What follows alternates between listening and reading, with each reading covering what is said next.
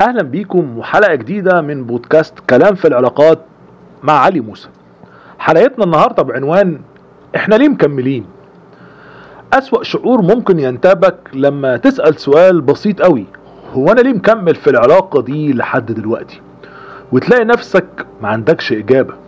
شوية كده تسرح بخيالك لورا حبتين في السنين اللي مرت عليك وأنت عايش مع شريك حياتك تحت سقف واحد. زوجين صحيح لكن أغراب. موظفين بدرجة زوجين. علاقة كلاسيكية روتينية مملة. خالية من أي حياة أو نبض. مفيش أي نشاطات مشتركة ولا اهتمامات مشتركة ولا حوارات مشتركة. عايشين بنشتغل وناكل ونشرب وننام وكل حاجة ماشية عادي. حتى العلاقة الجنسية باردة وخالية من الحياة. مجرد أداء واجب. تصدق انك هتلاقي انكم اتنين طيبين جدا ولطاف جدا لدرجة انكم حتى مش بتتخانقوا ولا حد فيكم بيعلي صوته على التاني. علاقة مملة حرفيا تقيلة على القلب وتخنق. لكن في حاجة بتشدك وتخليك تكمل. طول الوقت في حجج ومبررات وأعذار عشان تكمل.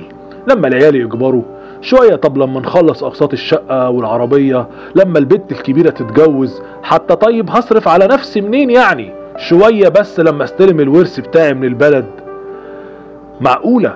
في واحدة في سني هتسيب بيتها بعد العمر ده كله؟ طب هروح فين بس؟ وهكذا بتمر الأيام وتدور عجلة الحياة والعلاقة دي ماشية ومكملة رغم توافر كل مسببات الفشل ورغم كل التحذيرات لكنها ماشية. بس لسه فاضل سؤال غير السؤال الأولاني بتاع هو هو أنا لسه ليه مكمل. السؤال ده بقى هو إيه اللي اتغير؟ إيه اللي اتغير؟ إيه اللي يخلي حد كله نشاط وطاقة وحيوية وبيحب الحياة والهزار وبيعشق الكلام في السياسة والكورة والفن والموضة والطبخ؟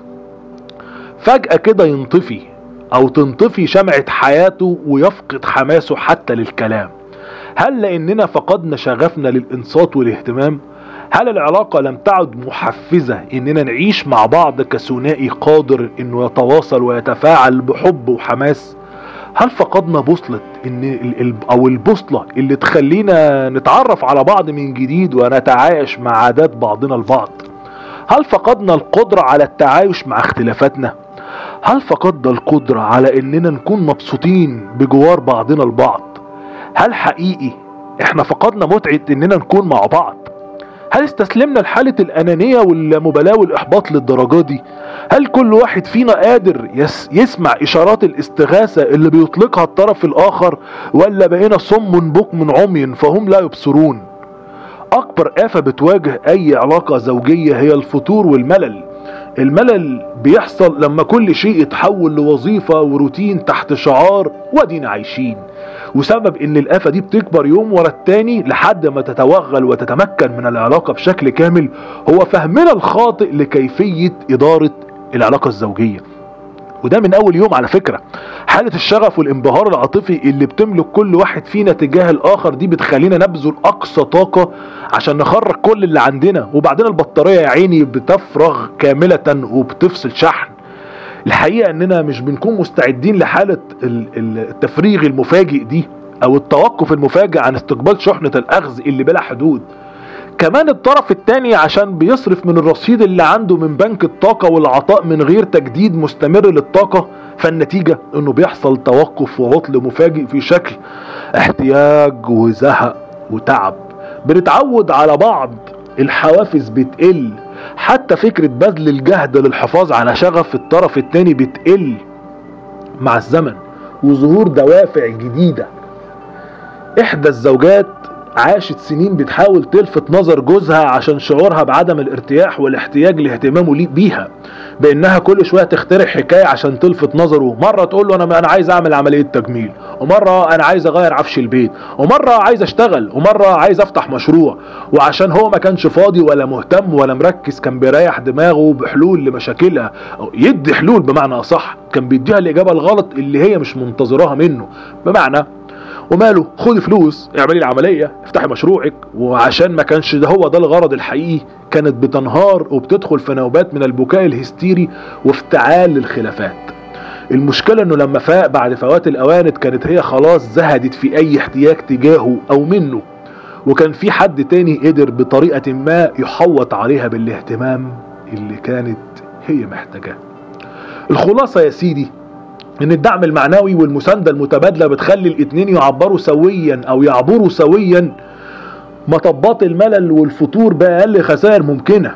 أي تغيرات بتحصل في الشكل أو المزاج أو الحالة الصحية لأحد الطرفين لازم يقابلها منتهى التقبل والمساندة والحب من الطرف الآخر. بلاش بقى حكاية التأفف وإظهار الشعور بالضيق واللوم والنقد والمقارنة اللي بنعذب بيها بعضنا طول الوقت من غير رحمة ولا شفقة. بلاش نخلي مشاغلنا اليومية والهموم والشغل يخطفونا من بعض. وما يبقاش عندنا الوقت الكافي ولا الطاقة اللازمة للبذل في سبيل الحفاظ على السعادة. اهتموا بالتفاصيل الصغيرة اللي بتزود رصيد المحبة بينكم. أوجدوا قائمة من الاهتمامات المشتركة اللي تخلق المتعة بينكم. بالعربي كده تفعيل كل ما يشكل بينكما ثنائي سعيد قادر على الاستمتاع والتواصل الإيجابي.